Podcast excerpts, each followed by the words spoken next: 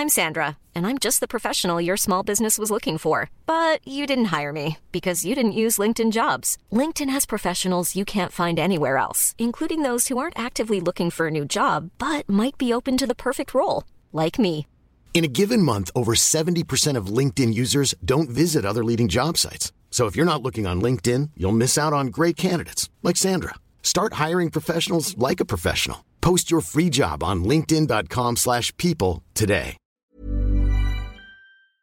Idag träffar jag Apollonia som arbetar som digital chef på Hövding. Hon delar med sig av sin bakgrund, hur den har präglat henne, hur hennes kometkarriärresa har sett ut och vad hon stör sig på inom influencer marketing som är en stor del av hennes arbete. Hon delar också med sig av ett annat passion-projekt eh, som hon har och hur hon vill ge tillbaka. Ja, ni får höra mer.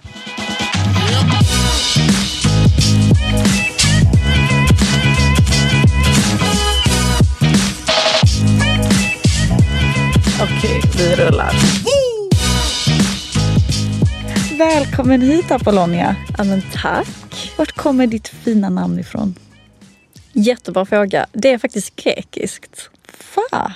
Har du grekiskt påbrå? Nu vet ju jag svaret. Ja. Men... Nej, alltså min mamma har ju alltid varit ett fan av den grekiska mytologin. Okej. Apollo, Afrodite, alla dessa gudar. Och din bästis heter Ja, Afrodite. precis. Det var liksom meant to be. Men eh, hon fick inspiration från Gudfadern. Jag vet inte om du sett filmen? Ja. Men hans fru hette Apollonia, hon som dog i bilen. Ja. Väldigt sorgligt öde, jag hoppas inte att jag har samma. eh, så att där kommer namnet ifrån. Okej. Väldigt ovanligt. Och vart, eh, vart kommer du ifrån? Mm, min mamma är från Chile och min pappa är från eh, Kambodja Vietnam. Så jag är en sån här liten mix. En som, jäkla eh, härlig mix. ja men faktiskt lite unik. Ehm, men de träffas ju i Sverige som flyktingar så att eh, det var då jag kom till. Så jag är från Skåne, Helsingborg. Och det hörs på din underbara skånska. Mm. Jag ska inte härma. Även om jag tycker att jag är jävligt bra på det. Men... Ja, det är helt okej. Nej, men berätta lite om dig och, och vem du är och lite om din eh, karriärbakgrund. Men också bakgrund om dig. ja, okej. Så den här frågan är ju eh, vet, är väldigt svårt. bred. Men jag är 29 år gammal, eh, bor i Malmö och eh, älskar ju allt som har med kommunikation, relationer, all, allt det. Eh, och det är ju en liten röd tråd i liksom allt jag gör. Eh, jag jobbar på Hövding eh, eh, till vardags, tänkte säga 8 till 5, men det är det ju inte. Med alla våra aktiveringar, alltså marketing. Och sedan drev jag en podd med då Afrodite, min bästa vän, som är en millennial-podd där vi snackar högt och lågt om, om karriär på ett väldigt ofiltrerat sätt. Gud vad härligt. Ja, men det är verkligen så kul. Eh, Så jag gör lite olika grejer, men eh, om man ska sammanfatta mig så är jag en väldigt nyfiken, naiv person. Eh, Hoppar liksom alltid på allt. Och det är ju också en utmaning så. Men jag började faktiskt läsa till ekonom, precis som du. Och kände att nej, men det är inte min grej. Men stolt som man är så ger man ju inte upp. Utan jag gjorde ju klart det programmet, men det var ju verkligen det tråkigaste jag någonsin gjort. Ja, jag håller så med. Alltså jag led i Jag tre med. år. Varför gjorde vi så mot, mot oss själva? Men varför tror du att vi gjorde det? Jag tror att det är lite sån här press för prestationsgrej. Varför tror du att du läste ekonomi? Ja, men jag tror att ja, men normen, alltså alla skulle ju läsa ekonomi på gymnasiet. Ja. Och All- du gick ju på en extremt högpresterande skola. Mm, på Civitas. Ja, men då skulle alla bli bankers. Och, alltså jag kommer ju inte från en akademisk bakgrund så jag kunde inte dubbelkolla med någon. Alltså jag kunde inte snacka med mamma eller pappa. Bara, du, eller vad tycker ni? Ska jag gå här på den skolan? Så Hur ser din bakgrund ut? Mm, jag ju, var ju ensambarn ganska länge tills jag var 20 så att nu har jag en lillebror. Men eh, när jag växte upp då så var jag ensambarn och mina föräldrar träffades väldigt, väldigt tidigt. Eh, när de var typ 16. Och det gick väldigt fort och de fick mig när de var typ 18-20. Och sedan separerade de. Så att jag har ju växt upp i det här varannan vecka, helg, eh, livet har jag haft. Men jag har också haft tur för att mina föräldrar är ju bästa vänner så att jag har liksom vad gått igenom den krisen så. Men Hur tror du det har påverkat dig? Mm, alltså jag hade en väldigt trygg uppväxt utifrån kärlek, relation och hela den biten. Och det är kanske också därför jag är trygg i mig själv. Eh, men jag kommer ju också från en icke-akademisk familj och det, det, har varit väldigt tufft. Min barndom är ju inte alls som kanske min lillebrors barndom. Mm. Eh, min mamma var ju så ung när hon hade mig och jag bodde ju eh, den mesta tiden hos henne. Mm. Och det var väldigt kämpigt. Jag, jag hade en fin barndom men den var väldigt kämpig nu när jag jämför liksom med kanske när jag ska skaffa familj. Mina barn kommer ha en helt annan miljö och mm. förutsättning jämfört med vad jag själv hade. Men var det hon som pushade dig åt den akademiska riktningen eller var det du själv som kände att så här, det här borde jag göra? Alltså hon, eh, det var hon och min pappa som pushade mig att jag skulle bli någonting. Mm. För att de själva aldrig kunde bli, nu säger jag någonting, det är klart att de är någonting. Men, ja, ja, men jag förstår precis. De kunde aldrig plugga på samma sätt som, som, jag, som jag kunde. Så det är klart att de var väldigt mycket på mig att jag skulle få bra betyg, att jag skulle bli någonting.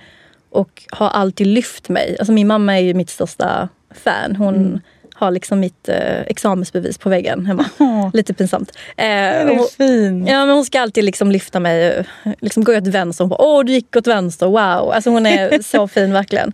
Men, men det har alltid funnits ett eh, krav hemifrån att, att jag ska bli någonting. Och det är också för att de inte hade den möjligheten.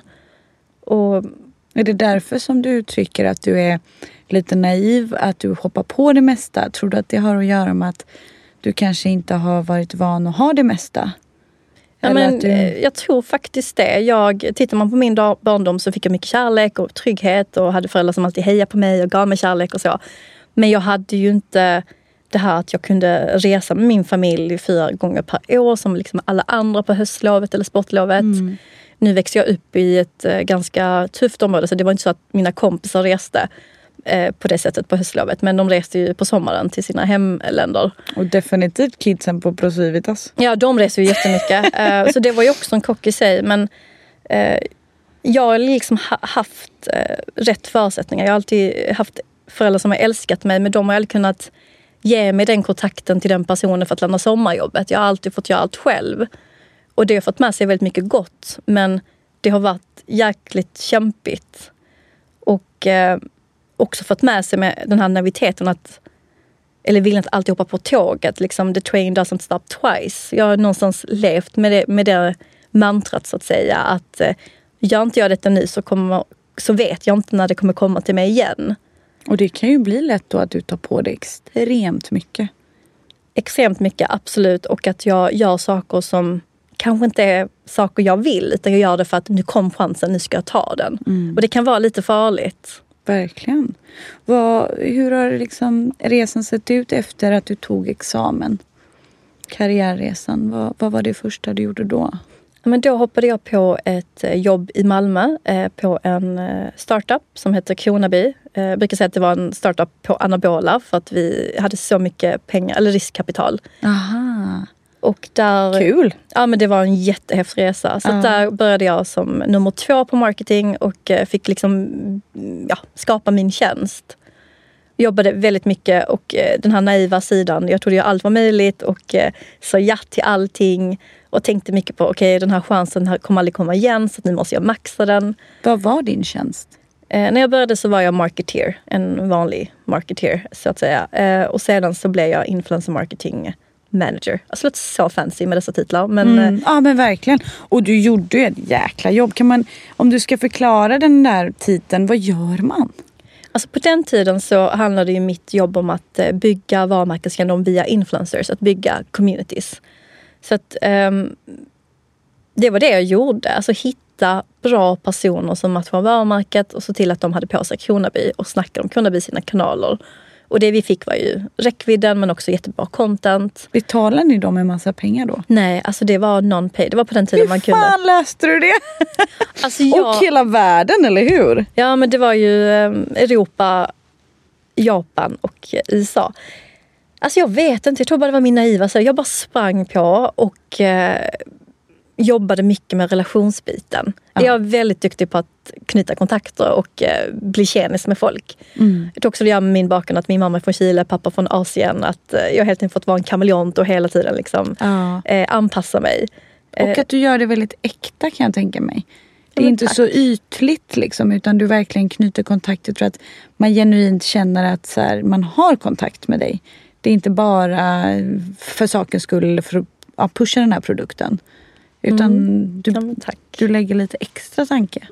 Ja men precis och eh, jag hade ju en vilja, även om inte jag var delägare i Kronaby så hade jag en vilja att detta ska lyckas. Det var mitt första riktiga jobb.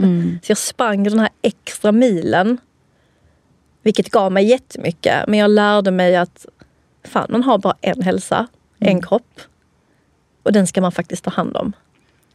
Jag håller helt med. Varför gör man så också med sitt första jobb? Att man känner sån tacksamhet. Att de valde en själv och att man står dem i skuld och jobbar ihjäl sig.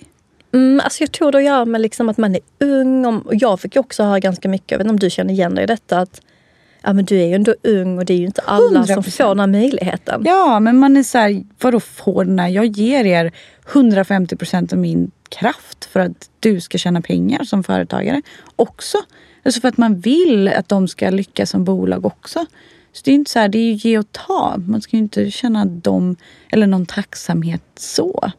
Man ger ju sin tid och sin effort till 100 Ja procent. men verkligen. Och, och det i kombination med att man, som i mitt fall, jag tror att en del kan känna igen sig med liknande bakgrund, att allt kommer liksom inte så som ett brev på posten. Man måste kämpa. Och jag hade ju kämpat att ta mig dit.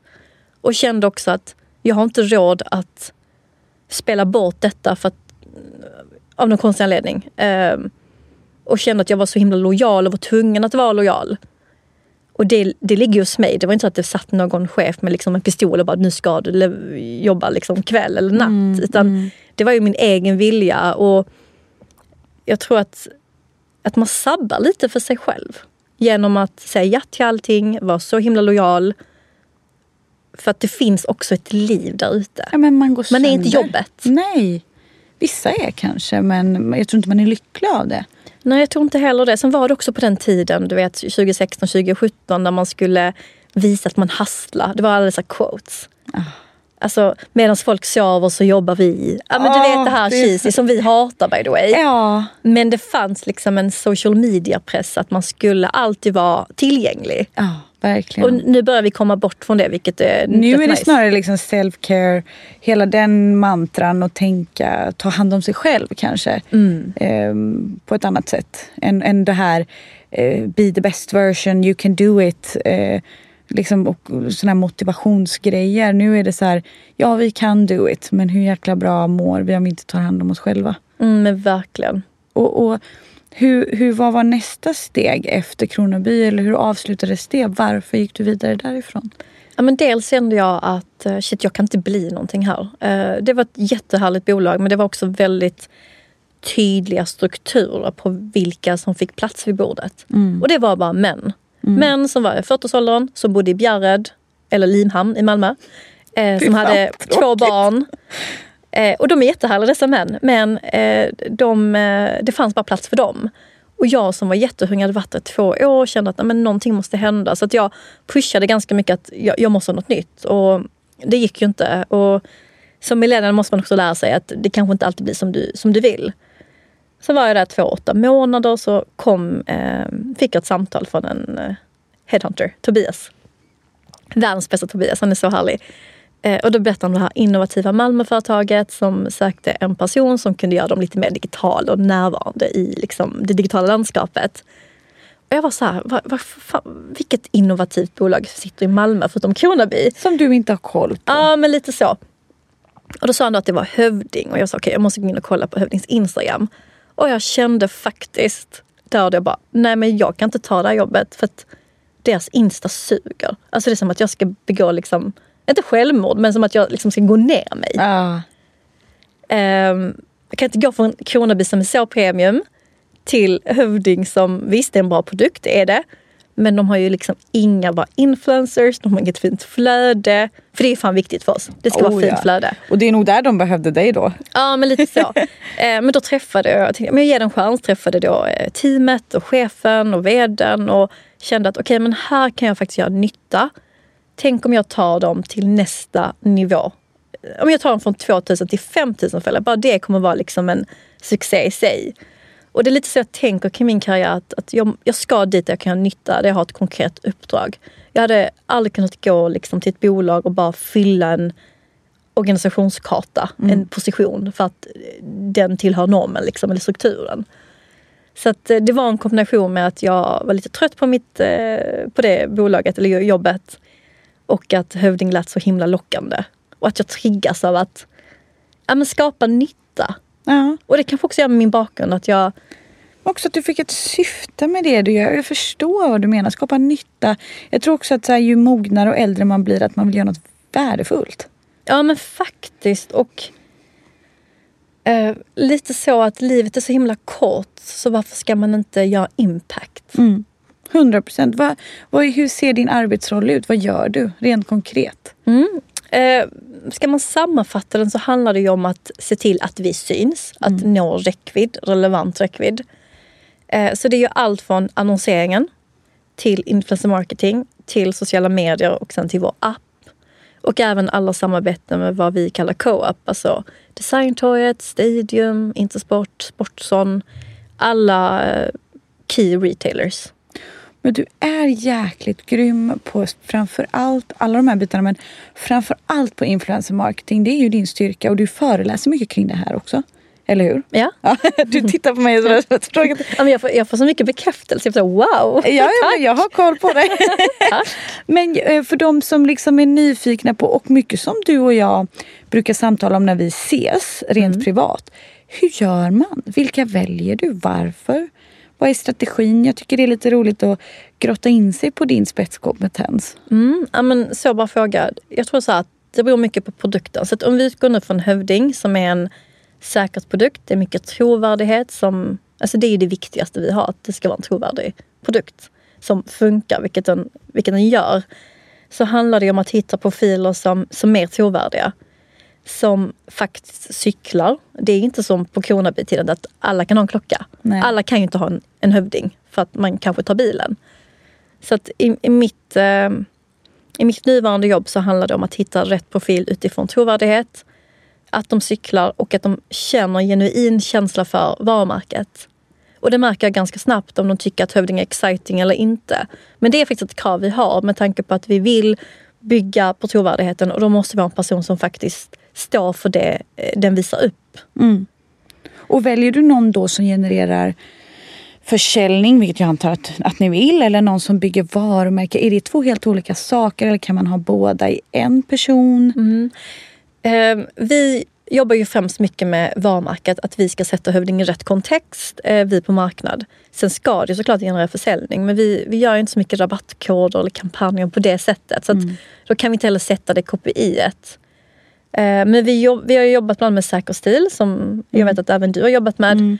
Och, och, det är ett väldigt bra case och ett exempel på influencers som faktiskt matchar mitt, eller Hövdings varumärke. Mm. Ja, men båda cyklar, de är jätteproffsiga. Mm. De pratar bara om saker som de genuint tycker om. Exakt. Eh, och de är inte heller så kontroversiella att de kan uttala sig på ett klantigt sätt. Utan det är verkligen on brand. För att även om Ja, men det finns ju jättemånga profiler. Även om de kanske nu till rätt målgrupp så kanske det är profiler som är lite stökiga. Som kan, liksom, det kan hoppa upp en goda här och var. Liksom. Ja. Och det är fint för att alla är mänskliga. Men vi måste vara väldigt försiktiga i och med att vi jobbar med säkerhet. Mm. Det är inte en klocka, det är inget smink, eh, ingen sminkborste som alla kan liksom hålla i handen. Verkligen. Så att vi är extremt petiga. Och eh, vi har ju testat ganska mycket i Tyskland och UK och märker att eh, folk tycker att produkten är kul. Och även om de ger bra siffror så kanske inte jag vill förlänga med tanke på att de inte har det här engagemanget. Kan du inte ge ett exempel på när man inte har engagemanget? Ett exempel är att man inte läser vår brief. Att mm. man... Eh, Hövding är en liten inte komplex produkt, men den, den, är lite... Man behöver kanske utbilda. Man måste utbilda sig, exakt. Ja, eller utbilda eh, tittarna. Exakt, och man måste vara påläst själv. Ja. När du tar på dig den så ska den aktiveras när du cyklar, inte när du går i trappan eller liksom något annat. Det är en sån enkel grej. Och, och jag är jättetydlig med detta. Men då är det vissa som kan missa att shit, den ska ju vara aktiverad när jag cyklar. Det, har jag på mig den och den är inte aktiverad så är det liksom som att ha en hink på huvudet för den kommer inte funka. Mm. Hövding har ju inga ögon. Ehm, och det, det kan vara vissa som kanske missar den här detaljen, vilket är en jätteviktig detalj. Ja, Ja men det är faktiskt. liksom hela brief, eller hela grundstenen. Exakt, och då fattar jag snabbt, okej men då är inte du så jätteintresserad. Om inte du kan läsa en brief eller läsa instruktionsmanualen, Ja. då kanske inte detta är för dig. Det kan bli att, att då som att man som, som influencer i det här fallet då, eh, just att ni väljer den kanalen som exempel nu då. Att de kanske lägger upp, här är en fin hjälm. Det här är rent av exempel. Istället för, den här hjälmen är bra för att blam, blam, blam, blam. Exakt, och sen är vi väldigt så här, ja men det ska vara på ditt sätt. Ja, men som säker stil, sätt det i er kontext. Men briefen måste ju följas och de har gjort det jättebra. Men det, då finns det profiler som, som struntar i briefen. De glömmer att oh shit, jag ska justera storleken. Så sitter då hövdingen liksom jättelöst. Och det är ju inte heller säkerhet. Den ska ju sitta tight. Exakt. Eh, och då kan jag bli väldigt frustrerad och väldigt så här, ifrågasättande mot min egen karriär. Liksom, varför jobbar jag med detta? Ja. Varför gör du det då? Eller det jag vill få fram är, varför är det en så stark kanal? Jämfört med traditionella pressklipp i digital och print. Ja, Men vi ser ju att vi människor har ju en tendens att vilja följa folk. Vi är ju flockdjur. Så Ja. det är ju det nummer ett. Att vi kan mycket, det är enklare att relatera till en person än en radiokanal. Ja. men faktiskt. Eh, och sen att folk hänger ju på Instagram och på mobilen. De är ju i det här flödet och scrollar liksom kilometer. Eh, och sen måste jag också ge cred att många influencers är ju extremt duktiga på att skapa relevant innehåll. Alltså vissa är ju större än dessa stora mediehus. Verkligen. Du brukar ju dra ett sånt exempel att de är så många roller, en och samma person. Mm. Och det är väldigt effektivt för då får du liksom en fotograf, en content creator, en strateg, en copywriter, en publicist. Du får ju allt i ett och det är extremt billigt när man då eh, tittar liksom på kostnaden så att säga. Men det kan också vara väldigt frustrerande att det är en väldigt, eh, det är en ny bransch. Det är inte reglerat. Och hur väljer man rätt? Hur väljer man rätt? Hur prissätter man rätt? Ja. Och jag vet om att det finns en pågående debatt där många influencers idag vill bli tagna på allvar, vilket de ska bli för att de är professionella eller har ett värde. Men vissa levererar inte. Och det kan göra mig så sjukt förbannad. På vilket sätt?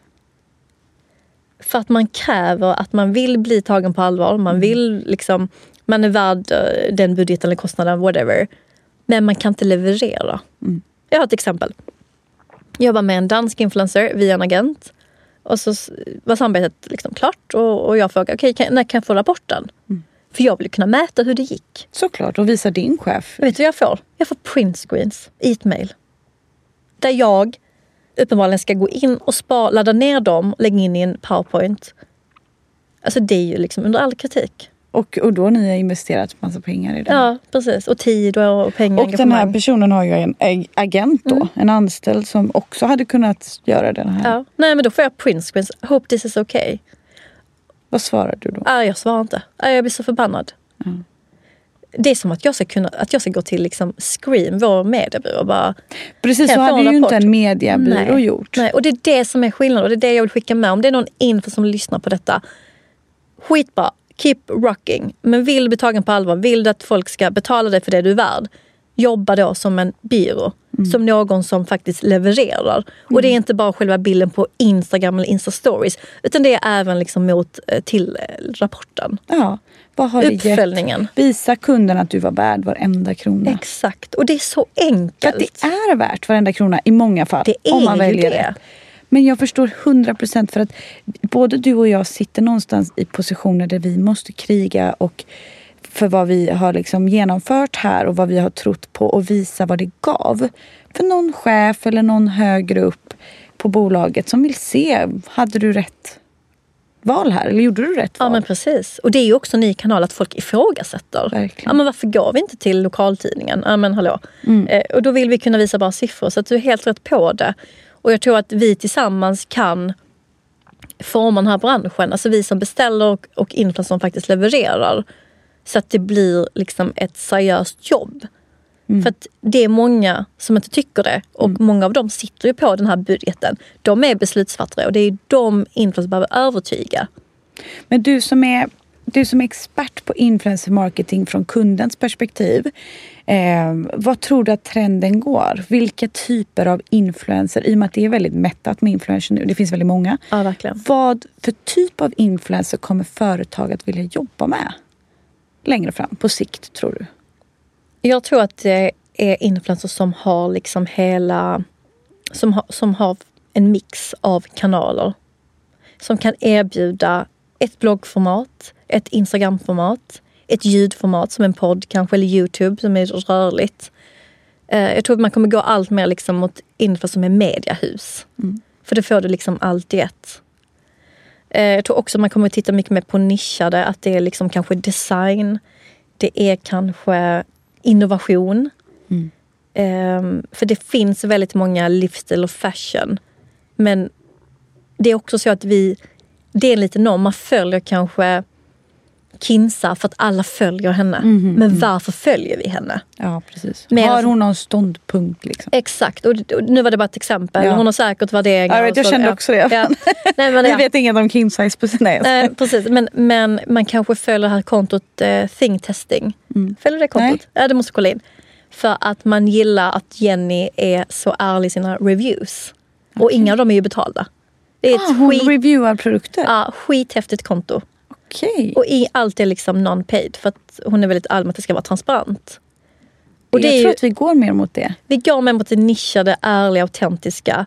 Mm. Eh, och vi ser att många av dessa stora konton skapar ju sina egna mediehus. Och jag tror det, jag tror det är framtiden. Mm. Men det är svårt att säga för att eh, liksom ena dagen läser man att oh, nu är det mikroinfluencers och nu är det detta eller det andra. Men jag, tror att verkligen på media. Sense, alltså, utgå mycket, för så, jag går mycket på magkänsla när jag kör beslut åt hästens. Ehm, och ibland fel, men ofta har min magkänsla ganska lett mig till ett ganska bra beslut. Och det är ofta att jag tänker så här, men det är common sense. Vad hade jag tyckt? Hade jag hellre velat se någonting som ser extremt köpt ut? Tror jag på det? Ja. Eller någonting som verkar jävligt äkta och genuint och icke köpt. Såklart man tror mer på det. Det är som att jämföra klassisk media med en artikel versus en annons. Mm. Annonsen, du bläddrar förbi kanske mot st- stor sannolikhet. Eh, artikeln läser du. Alltså det, det är lite så vi ser det. Såklart om en, en, en influencer har väldigt, väldigt mycket köpt content så blir det ju lite så här, ah, det blir annons, annons, annons, annons. Ja men precis. Sen tror jag också att många varumärken vill känna sig exklusiva. Eh, och man vill inte vara en i mängden. Nej. Man vill inte vara den där varan på Black Friday som syns i Nej. flödet. Nej, ja, men lite så. Ja, 100 Så jag tror att varumärken blir mycket mer picky och vi kommer att vara mycket mer datadrivet. Nu går både du och jag på känslan för att vi har extremt bra koll. Mm. Men tänk liksom på Anna-Lena, 62 bast, som är marknadsdirektör. Hon har inte samma koll. Ja, men Eller av ska något- du ta marknadsdirektör? Ja. det lät bara så gammalt. Men, och det är inget fel på Anna-Lena, men det är inte sa- vi har inte samma media... alltså jag orkar inte med själv. jag älskar det. Vi har inte samma mediakonsumtion. Eh, konsumtion. Nej. Eh, speciellt när man ska nå millennials och den yngre målgruppen som är väldigt köpkraftiga i dagsläget. Verkligen. Och jag menar det som du säger. Alltså de olika kanalerna är ju till för olika köpare. Jag menar i, i mitt fall och för hästens då tittar jag ju på alla typer av målgrupper för våra köpare. Det kan vara 60 lika väl som 30, kanske lite olika prisklass på sängen. Men, men är du, så att man tittar. Men om vi ska grotta ner lite, för jag är lite nyfiken på dig. Ja. Har du lite sådana här passion projects eller passioner som man inte vet om dig? ja, alltså jag har ju en, eh, en vilja, en drivkraft att hjälpa eh, andra personer i, som inte ser ut som mig själv men som kommer från liknande bakgrunder. På vilket sätt då? Hur vill du hjälpa Ja, men dem? jag tänker på alla möjliga sätt, men framförallt det här med att ge dem en fot in. Jag, eh, och, det, och det är liksom en vilja, för jag gör ju inte det aktivt. Det vill, det vill jag gärna vara tydlig med. Och det är också för att jag inte heller vet hur jag ska kunna hjälpa till. Så att jag vill gärna skicka med dig ifall det är någon där ute som vet hur jag kan hjälpa till. Let me know liksom. Men jag, ett exempel, jag väntar ju fortfarande på att den här personen från orten ska mejla mig och söka en praktik på Hövding. Och, och det kanske är lite exkluderande, men då får det vara det. Och men det har inte hänt än. Det har inte hänt. Och jag fattar också, jag kan inte sitta och vänta på att jag ska få en ansökan. För jag hänger ju inte heller kanske i dessa utsatta områden. Men jag vill liksom hitta någon Apollonia eller liksom någon, någon som påminner om min bakgrund. Som jag vet om. Jag kanske inte har en mamma eller pappa som har ett kontaktnätverk. Och ge dem en fot in. Alltså jag brinner väldigt mycket för sådana frågor. Eh, att faktiskt kunna hjälpa personer som inte alltid har rätt förutsättningar. Och eh, har varit mentor. Eh, tidigare och vill vara det. Liksom. Men jag tror att det handlar mycket om min bakgrund. Att jag vet själv hur jobbigt det var liksom, att växa upp med en förälder som inte hade jobb, som fick gå på bidrag. Att sitta där liksom, i en reception och vänta på att mamma skulle fylla i blanketten för att vi skulle få pengar så att vi kunde liksom, köpa mat. Mm. Har gjort mig väldigt medveten om att alla har det inte lika bra. Nu har jag det jättebra ställt. Och Verkligen. jag har liksom en sambo som också har det jättebra. Så vi tillsammans har ett jättefint liv. Men vi kommer inte från det livet. Nej. Vi kommer liksom från bidrag. Och du vill ge tillbaka på det. Jag vill jättegärna tillbaka. Jag vill, jag vill jättegärna liksom vara den personen som tar in eh, någon annan i ett sammanhang som inte är naturligt för dem. Mm. För det är så svårt att få jobb. Alltså jag minns hur min mamma kämpade. Hon jobbade mycket liksom, eh, när jag var liten på hotell. För då var ju folk lediga. Eh, då jobbade hon som städerska, för det var det hon fick. Mm. För det var också mycket fördomar på den tiden. att, Åh, men har du barn och du är ensam, ja men då kommer inte du kunna jobba dessa obekväma tider. Ja, verkligen. Eh, Så att hon fick mycket sommarjobb och sen så fick hon ju in, in, en fot. Eh, Hon jobbar som undersköterska idag så att hon, hon hade jättebra idag. Liksom. Men när hon då pluggade till undersköterska, det var så kämpigt. Mm. Och jag tror att det är det än idag. Alltså jag brukar tänka mycket på folk som kommer från Syrien som är läkare. De har så svårt att hitta jobb. Tänk om jag då skulle flytta liksom till eh, vi säger Afghanistan ifall det hade varit demokrati och och fred och så där borta. Hur skulle vi hitta jobb? I Mm. men Afghanistan? Eller liksom i Bolivia? Nu kan jag spanska så det är en fördel. Men hur ska jag hitta liksom mitt nätverk i Bolivia inom marknads och kommunikation? Det är skitsvårt. Det är skitsvårt. Och det, jag tror att många har ju väldigt svårt att förstå det. När man, när man tittar på hur många som kommer till Sverige. Ja. Eh, att det är så här, åh, nu kommer vi, vi, har inte, vi kan inte ta in fler. Och, vet, man, man ser så mycket negativt men eh, man ska också se det från deras perspektiv. De flyr från någonting som de inte hade velat fly från. Exakt. Eh, och från ett liv som nog antagligen har varit ganska bra. Jag menar mina föräldrar har också gjort den resan och lämnade ett liv som de älskade. För att de var tvungna och det var inte glatt. Men samtidigt har tagit vara på möjligheterna här och försökt bygga upp någonting. Men jag tror att det är som du säger, man, man ska ha respekt för det och, och man vill så gärna ge tillbaka på, på sitt sätt. Det är, jag vill ge tillbaka till, till yngre idag och inspirera dem att så här, man behöver inte bli läkare, advokat eller ingenjör för att lyckas. För det är någonstans det jag har blivit lärd. Så här, det måste du bli.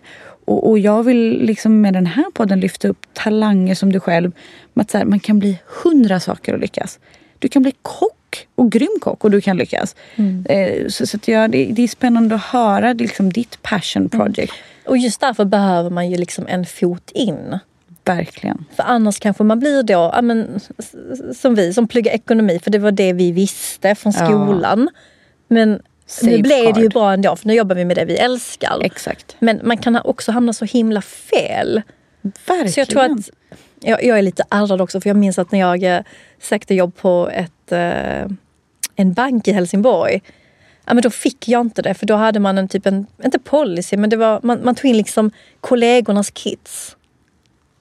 Åh fan att inte jag fick en chans, för min mamma jobbar ju fan inte på den banken. Mm. Och gud det var så vanligt. Jag jobbade på SB. Det var ju många där som bara, nej men du vet jag fick det här jobbet. Pappa känner eh, typ Annika eller Karin där på Treasury. Eller du vet vad fan som helst. Och mamma Och, och saken, alltså, all, kul, kul för er. Alltså, verkligen, Ja, ja. Jag, jag, jag undrar er liksom, som har de möjligheterna. Men jag tror också att man måste vara medveten om att det finns någon som inte har de möjligheterna. Och faktiskt vara den som öppnar dörren. Det är det 100%. minsta man kan göra. Så jag brinner jättemycket för det och vill såklart ägna mig mycket mer tid åt att hjälpa folk. Eh, Men jag, är lite så här, jag vill inte heller prata så mycket om det. Ta lite emot här. För att man, man vill ju inte heller vara liksom ett, ett offer. Men det tror jag absolut inte att du är eller tolkas som. Utan jag tror snarare att du är väldigt tacksam för de möjligheterna du har fått. Och att du vill ge tillbaka och hitta talanger som kanske inte går den klassiska vägen. Eller som har en skjuts via någon annan. Eh, för, för att vi båda har föräldrar som inte har kunnat öppna dörrar via ett kontaktnät för att de har inte haft möjligheten att bygga det här. Så som du och jag har. Eh, Vi förhoppningsvis kan hjälpa våra barn. Våra barn kommer ju vara han på Treasury som bara mamma kände. ja, men jag tror också det är det vi har strävat efter för att kanske vi inte fick det. Eh, och, och det är inget dåligt men det är väldigt fint att du någonstans vill vara den som öppnar dörren för någon annan som inte har det.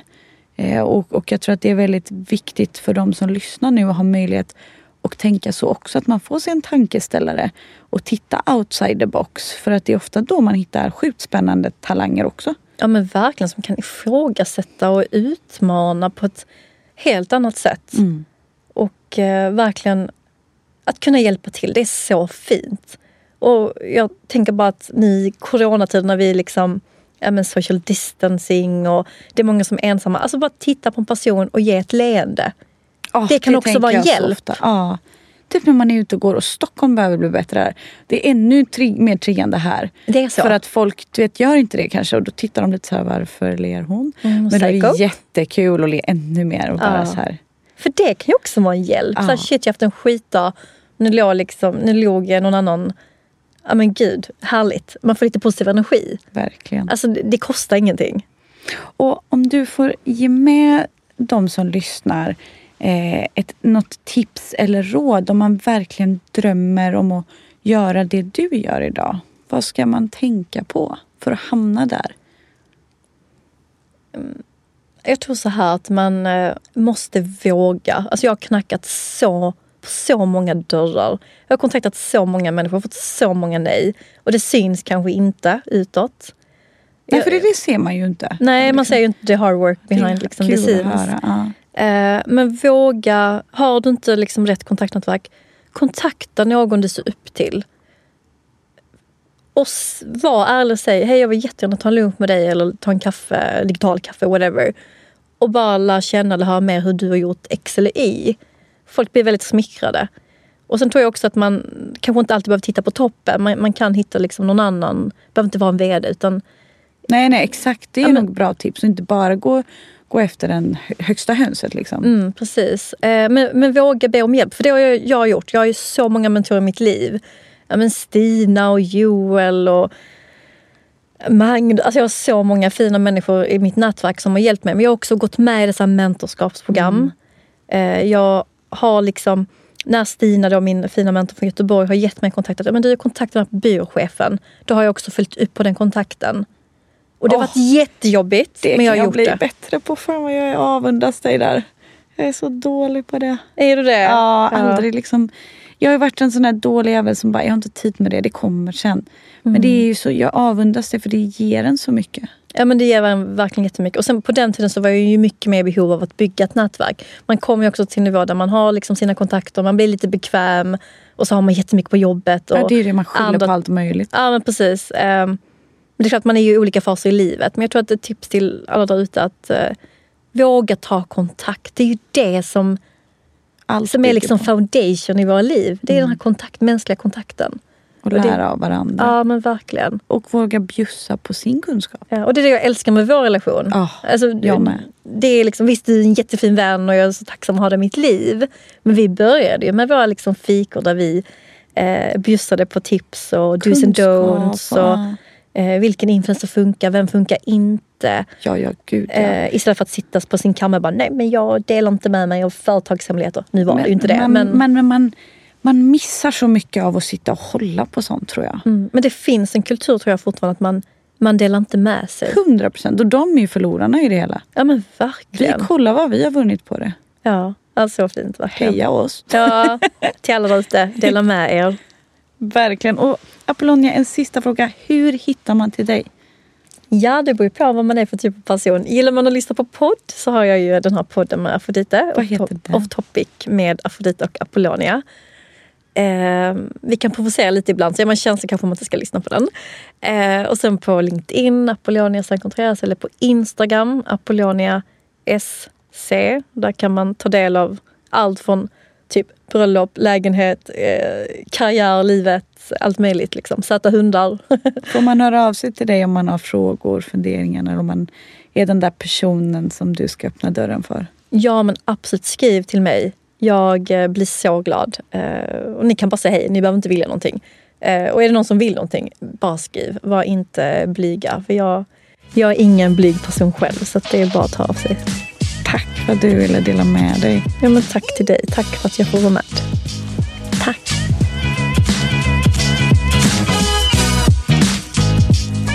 För att ni lyssnar på podden. Jag skulle även vilja tacka min producent Kristoffer Örtegren för ett fantastiskt arbete. Om ni tycker om podden så får ni jättegärna gå in och prenumerera. Och skriv gärna en liten review.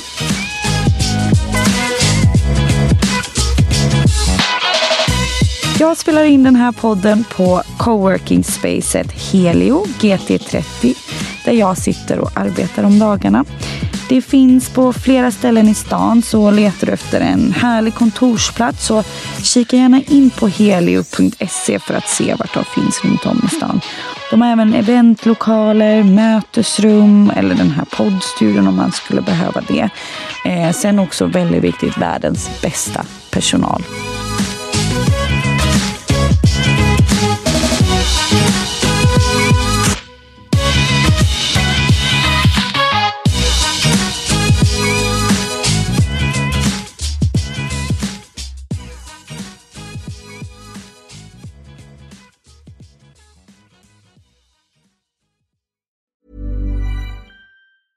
Hey, it's Paige DeSorbo from Giggly Squad. High quality fashion without the price tag. Say hello to Quince.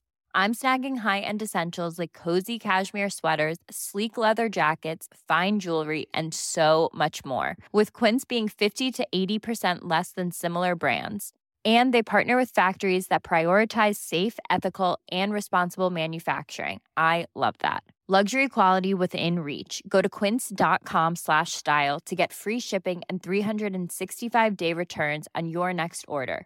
Quince.com slash style. A lot can happen in the next three years. Like a chatbot may be your new best friend. But what won't change? Needing health insurance. United Healthcare Tri Term Medical Plans are available for these changing times.